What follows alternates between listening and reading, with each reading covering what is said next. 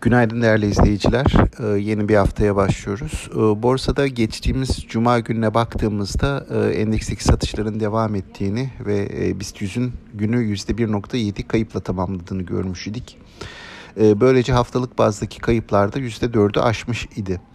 E, yurt dışı ile kıyasladığımızda bizde bir süredir gördüğümüz olumsuz ayrışma devam etti. Geçtiğimiz hafta ABD endeksleri özellikle bankacılık sektörüne ilişkin endişelerin yatışması ve faiz beklentilerinin bir miktar daha e, yatışmasıyla haftayı %3'ün üzerinde artışlarla tamamladılar. Bizim tarafta ise az önce belirttiğim gibi kayıplar vardı.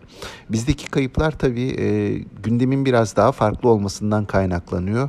E, yine e, hafta içi gelişmelere baktığımızda baktığımızda işte e, hem e, jeopolitik taraftaki gelişmeler hem banka his bankacılık sektöründe e, Şubat ayı sonuçları açıklandı. Bu sonuçların bir miktar zayıf gelmesi baskı uygulamış olabilir diye düşünüyorum. Yeni haftaya baktığımızda ekonomi tarafında önemli kazanan iki tane veri var. Bugün açıklanacak enflasyon verisi ve yine hafta içi gelecek Ticaret Bakanlığı dış ticaret verileri Mart ayına ilişkin her ikisi de.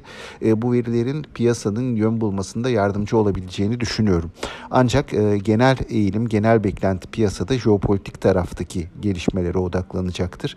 Dolayısıyla e, piyasa üzerinde e, geçtiğimiz hafta gördüğümüz eğilimlerin devam etmesini beklerim.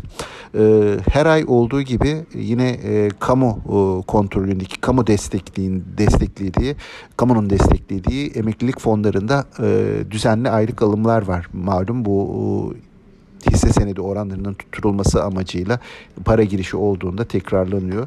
Yine bu alışların bir miktar e, endekse destek vermesi beklenebilir. Bunun haricinde e, gündemi yakından takip edecek bir piyasa olacağını ta, e, düşünüyorum ve haftaya yatay seviyelerde bir başlangıç yapacağımızı öngörüyoruz. Sağlıklı, bol ve bereketli kazançlı günler dilerim. Yeniden görüşmek üzere.